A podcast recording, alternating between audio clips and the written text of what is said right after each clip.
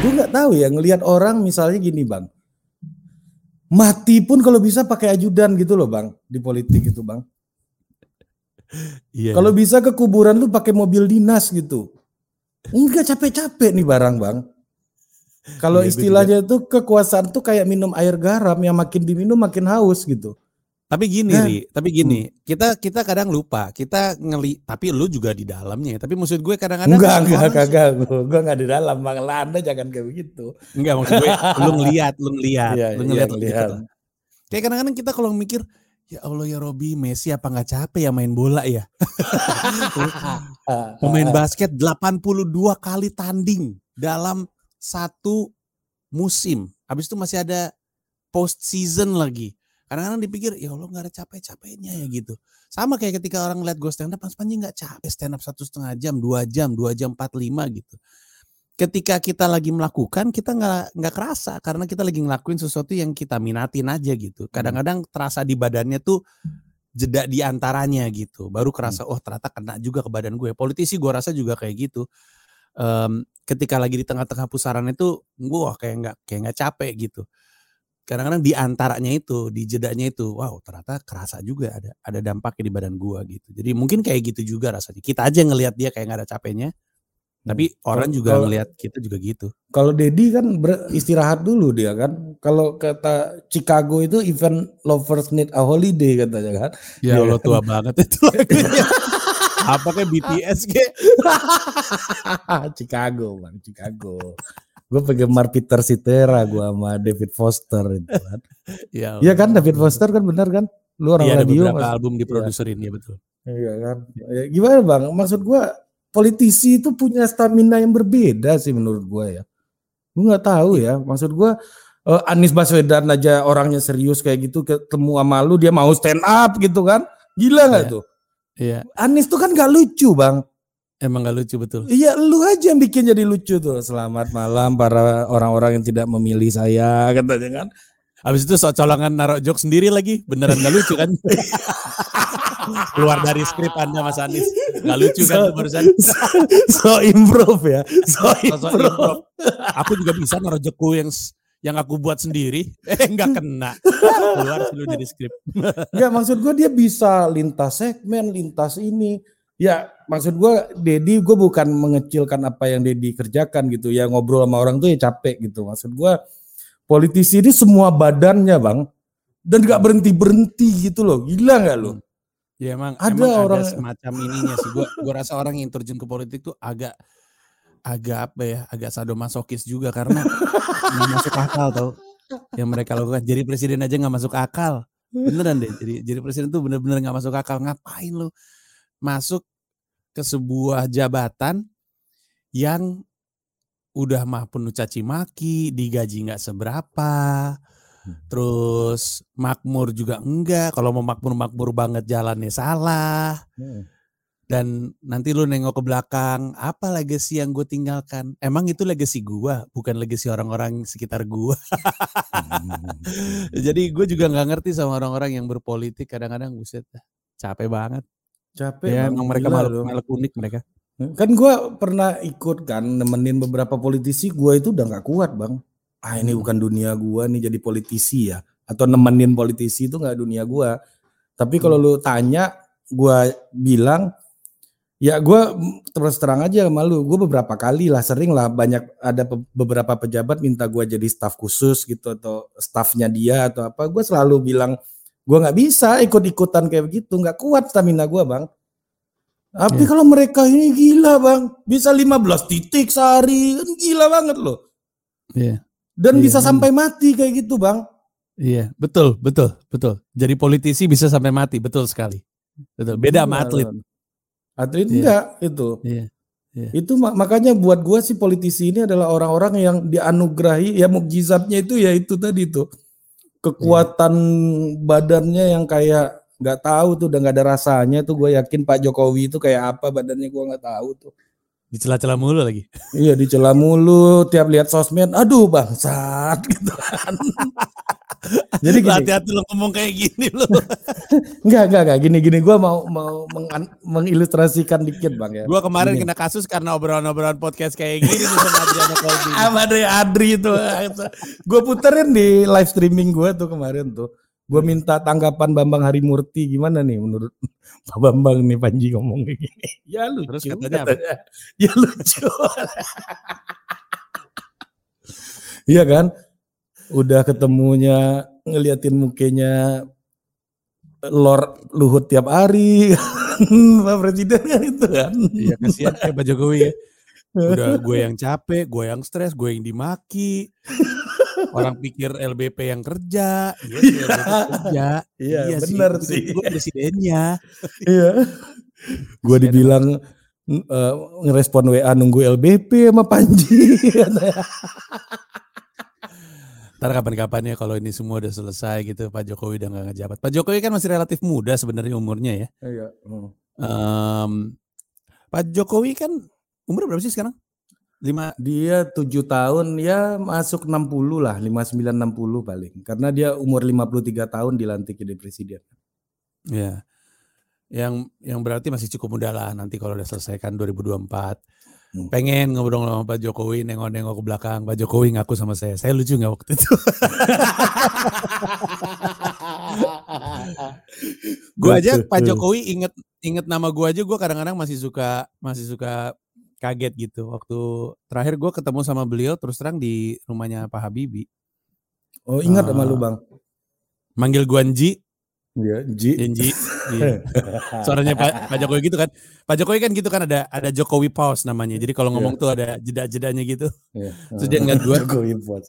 Eh, senyum bentar. Ji, Pak Presiden.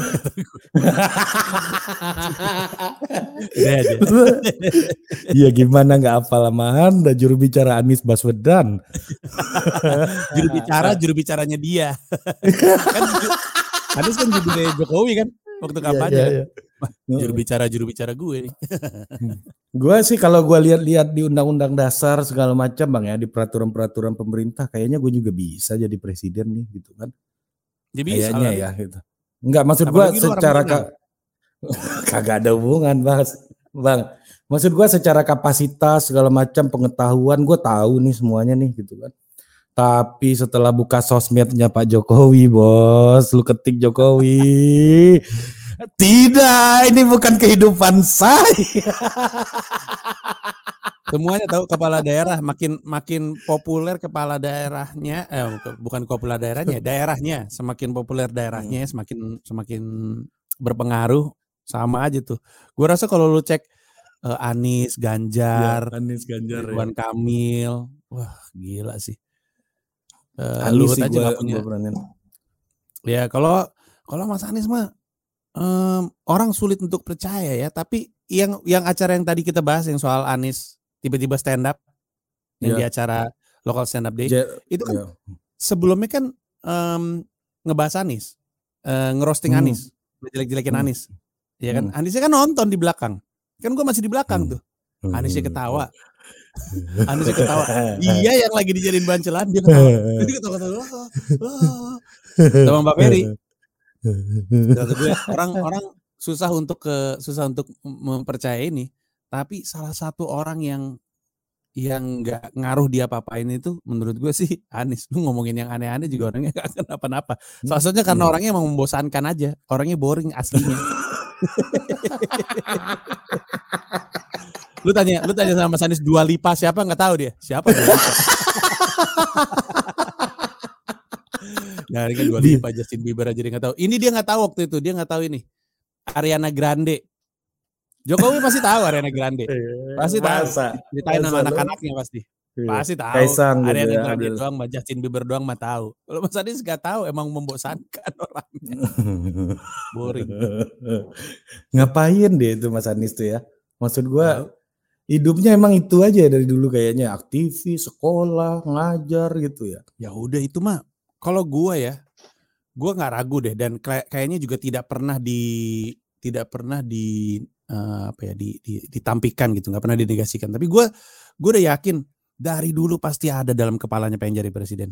Yakin gue. Iya. Ada pasti dari dulu. Dari jadi udah ini Iya, dari zaman dulu. Iya. Dari zaman ini deh, dari zaman lu ingat gak sih? Dia kan waktu itu kan pernah ini ya jadi salah satu tim tujuh tau nggak waktu Bibi Iya, Chandra. iya, iya. Heeh, heeh. Dari zaman itu, KPK. Hmm. Iya, pasti udah udah masuk ke kepalanya dia. Bisa nih gua nih dari tim tujuh kapan. gue itu masih mending loh bang. Kalau gue menduga Mas Anies ini sejak SMA tuh. Dia kan udah tampil-tampil di TVRI waktu itu bang. Udah udah, ya benar-benar bisa jadi dari zaman dari zaman SMA. Iya bisa jadi dari zaman iya SMA. kan, AFS kan. Iya, Wah, iya, ini iya. the next Iya, leader itu itu rutenya dunia tuh, gitu. rutenya itu. Iya memang AFS. kawan ini ini memang leader yang UGM. dipersiapkan gitu ya UGM kan, ketua Iya. senat mahasiswa. Kan Iya. sementara kayak Pak Jokowi nggak ada jalan yang seperti itu gitu ya. Dia lulus kuliah terus jadi eh, Ya nggak ada sih pengusaha ya kan? mebel, nggak ada, Iya kan, nggak ada ceritanya. iya kan, iya kan, Heeh. langsung masuk wali kota, gubernur, Hmm. eh, sampai presiden. Kalau Mas Anies kan, ini ingat cerita-cerita kayak John F Kennedy waktu kecil maju ke depan kelas bacain pidato gitu kan, gue mau jadi presiden, pasti teman-teman lu kan apa sih nih orang, gitu kan. pasti gak asik dari nih kecil. kalau dari kecil udah nggak asik nih orang nih. Iya. Mas Iya. Anies tipikal kayak gitu kayaknya ya. Iya, tipikal kayak gitu. Eh, tipikal yang udah jalurnya tuh udah tertata banget sih menuju ke sana. Nah, Bang, eh, menurut lu kekuatan dan kelemahan dari masing-masing kategori ini kayak gimana, Bang? Kategori itu apa? Kategori apa? Ya, yang tadi yang orang memang tertata dengan yang benar-benar mengandalkan momentum seperti Pak Jokowi gitu. Kalau yang tertata sih menurut gua em, nah ini tapi belum tentu benar. ya. Jadi kalau Pak Hmm. Jokowi itu sebenarnya bukan hanya memanfaatkan momentum. Hmm. Masalahnya tuh sosoknya memang em, istilahnya ya very easy to market gitu. Emang emang barang bagus gitu beliau itu orangnya genuine susah tau untuk nemuin orang yang genuine gitu yang yang ditaruh di mana aja tetap jadi dirinya sendiri itu susah loh dan em, ini juga apa istilahnya kalau di startup tuh product market fit gitu dilempar ke rakyat Hmm. ngeklik nah, jadi eh, jatuhnya kayak Obama gitu. Kenapa ya? Kok ini orang sebenarnya kita nggak ada yang tahu nih orang nih. Baru juga bentar dia jadi eh, senator gitu. Pak dilempar ke publik ngeklik nih. Apa kita gadang-gadang aja nih? Ditanya orang si Obama waktu ditanya ada yang bilang anda katanya mau jadi presiden? Oh nggak mungkin saya jadi presiden. Saya tidak berambisi. Tapi kalau misalkan Hmm. ternyata ngeklik ya jadi juga gitu. Sama Pak Jokowi juga. Kalau kalau kalau Mas Anies mungkin keunggulannya adalah lu nggak bisa ngelempar apa pun ke arah Anies yang Anies nggak pernah perkirakan karena seumur hidupnya dia udah udah didesain untuk ke arah sana tahu dia semua yang lu lempar dia udah pernah udah pernah ngebayangin akan terjadi makanya salah satu skillnya Anies kan Oke, oke. naikin ombak ya kalau lu perhatiin. Nah jadi, Ya, ya, ya. nah Menarik, di sisi lain Jokowi mungkin nggak siap sama apa yang akan dilempar kepada dia, tapi orangnya genuine banget gitu, tidak mengubah Betul. dirinya sama sekali. Jadi ya dua-duanya sih oke, bahkan kalau dijadiin satu mungkin mungkin tambah oke. Tapi ya eh, Jokowi Anies 2024. by the way, by the way, sebenarnya presiden kita tuh eh, bentukannya beda-beda semua. Kayak SBY juga beda tuh. Hmm. Megawati jalannya beda, Hmm, Gus Dur jalannya beda. Beda. Iya, Bung Karno jalannya beda. Rada-rada Habibie jalannya beda. Agak lucu nih. Jalannya Hmm. beda-beda semua, bentukannya beda-beda. Mungkin karena kita masih muda ya. Berapa tahun ke depan kita akan oh ini jalurnya jalurnya Pak Jokowi nih. Oh ini jalurnya jalurnya eh, misalnya eh, Megawati ini masih ada terahnya gitu. Betul. Tapi itu betul, mungkin betul, akan kelihatan betul. ke depannya. Gitu. Ya karena presiden kita belum banyak juga bang ya. Iya. Belum sebanyak. Amerika kan udah 40 sekian presidennya kan rame banget Iya. kan. Kalau bikin Bukannya- WA, apa Bukannya lebih banyak ya? 40 berapa sih? 49 apa 48 ya? Ya, 49. pokoknya, Iya, eh, itu kalau bikin grup WA anak presiden di Amerika itu udah penuh satu grup WA tuh bang. Kalau di Indonesia, Bang. Harus telegram. Iya telegram tuh. Di Indonesia gue pernah tanya Inayah Wahid, Mbak Nay, Hmm. anak presiden ada grup WA-nya nggak? Nggak ada. Kali aja dia di Malah- kan. Ma malah satu grup WhatsApp sama Megawati soalnya kan presiden juga. iya, dia masuk ke Megawati anak presiden tapi presiden juga. kita anak presiden tapi kita nggak presiden. Iya iya iya benar benar. gila gila. Nah, ini kalau gua lihat Bang ya, eh, satu lagi nih. Nih lu ikutin nggak Pak SBY mulai ngelukis-ngelukis Bang? Ini ngikutin. Ngikutin. Rame lagi, ya. menurut iya ya. bagus. Iya bagus Bang. Bagus. Banyak, gila ya skillnya ya. Kayaknya orang ini punya ambisi, maksud gua ambisi dalam hal yang positif nih ya, punya punya kekuatan untuk mempelajari semua bidang kayaknya. Waktu presiden penyanyi kan, pencipta lagu. Iya. Iya. Iya kan, di prajurit Adi gini. Makayasa gitu, be the best on semua bidang gitu. Iya, jadi menurut gua gini. Pak SBY ini lahir di keluarga yang salah menurut gue. beliau lahir di keluarga lingkungan militer.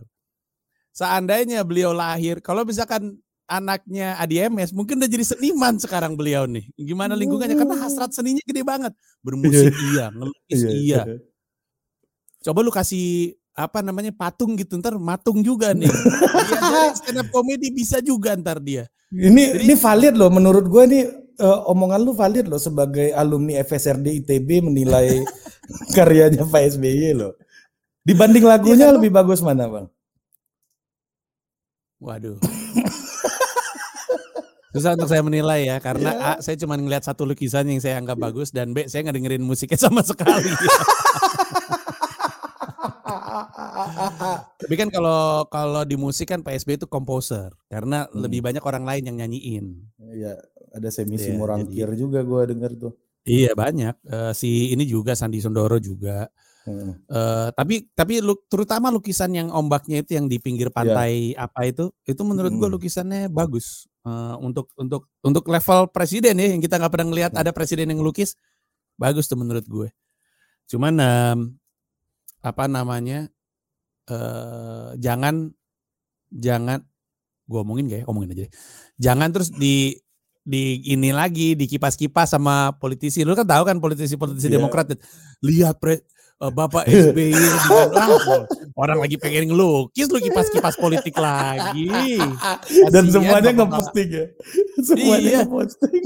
Udah biarin aja Pak SBY tuh bapak-bapak lagi seneng lukis udah gak usah dikipas-kipas politik kasih. Udah beli topi lo tuh Pak SBY tuh Pak SBY beli topi tuh, tuh di Tokped tuh gue mau nyari top gue nggak bisa ngelukis nih kalau nggak pakai topi beginian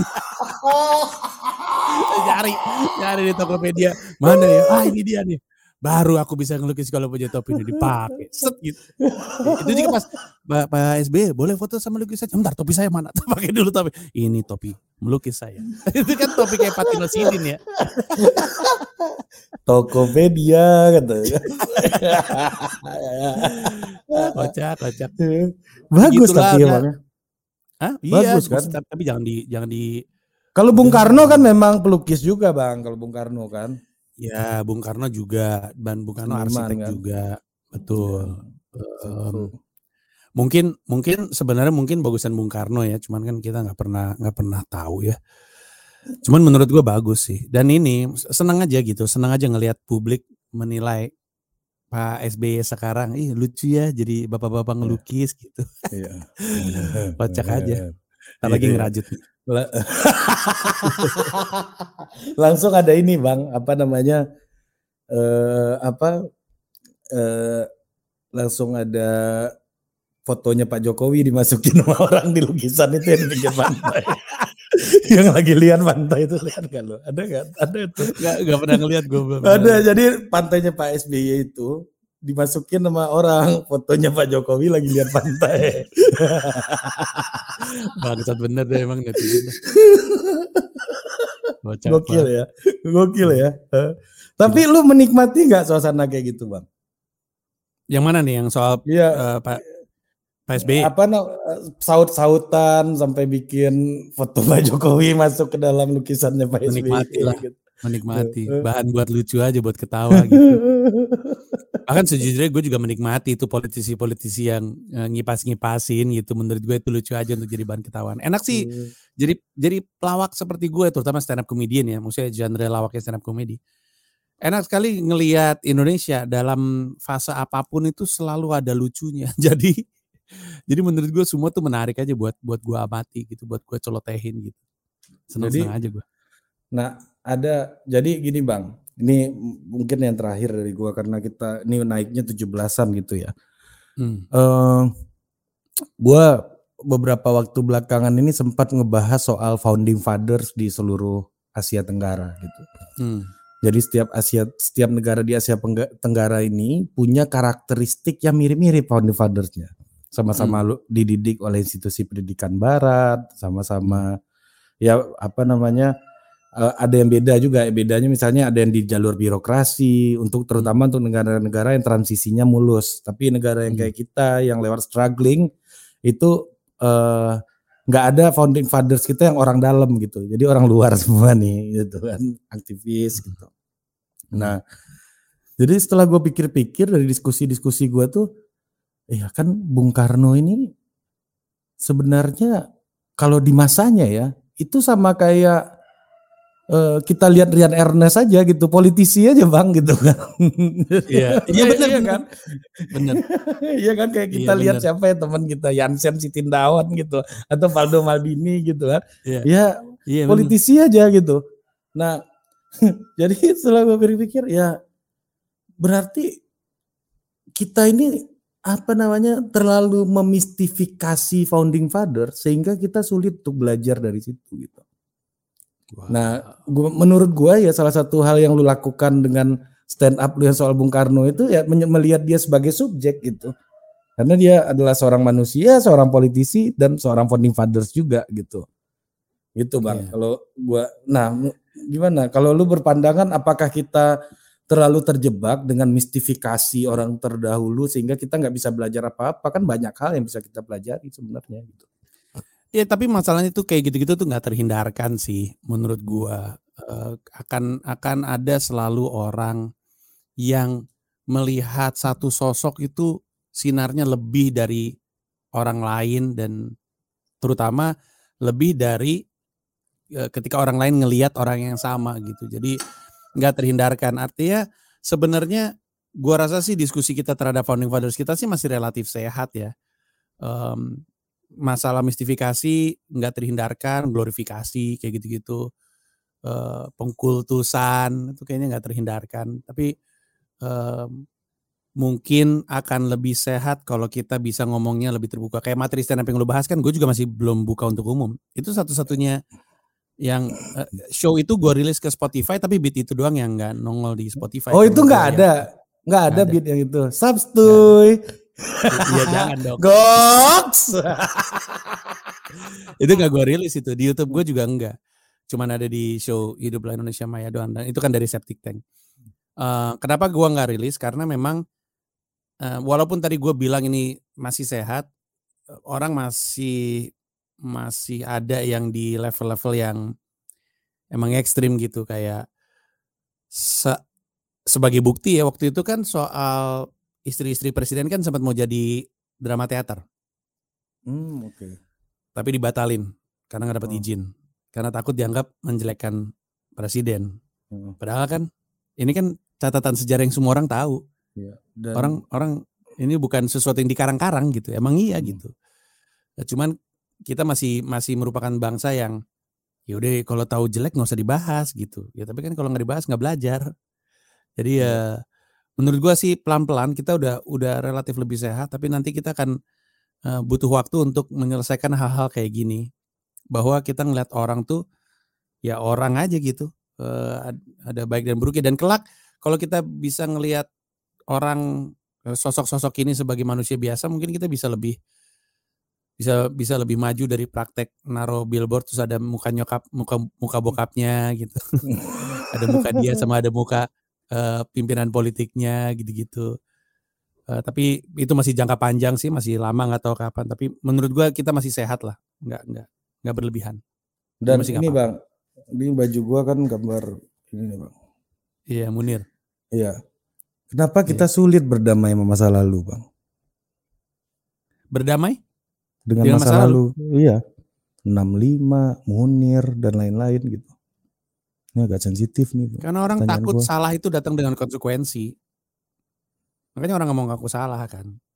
Kayak lu tau nggak yang terjadi di eh, Selandia Baru si eh, prime ministernya mengaku salah terhadap apa yang pernah kebijakan pemerintahnya di masa lalu. Em, negara itu menunjukkan bahwa eh, perdana menterinya menunjukkan bahwa kita bisa loh mengaku sama kesalahan kita di masa lalu. Lalu kita coba benerin eh, yang salah gitu. Nah di Indonesia tuh untuk mengaku salah itu susah sekali karena itu datang dengan konsekuensi. Eh, dan 65 tuh ngeri banget soalnya. Eh, yang terjadi 98 tuh ngeri banget soalnya. Eh, dan konsekuensi dari pengakuan salah itu itu cukup untuk bikin kita goyah secara politik soalnya itu gua rasa yang dikhawatirkan jadi kalau misalnya dibilang kok kita susah banget ya berdamai sama masa lalu masih deket soalnya dibilang masa lalu juga nggak terlalu Loh, Iya, iya, masih iya. kelihatan yang di belakang ngerti gak sih maksud gue Iya, iya, iya. Eh, iya. jadi ya butuh waktu Orangnya sih, masih kelihatan ya. iya benar orangnya masih Iya, kelihatan iya. jadi kalau kita mesti nunggu berapa tahun ke depan lah untuk kemudian kita bisa berdamai susah susah sekali Iya. Kan ya salah satu cara untuk membuat perbaikan ya lu ngaku salah dulu kan gitu. Ya itu dia. Nah tapi ketika ada orang ngaku salah, langsung dituntut selanjutnya level berikutnya adalah pertanggungjawaban. Nah itu yang semua Hmm. orang takutin.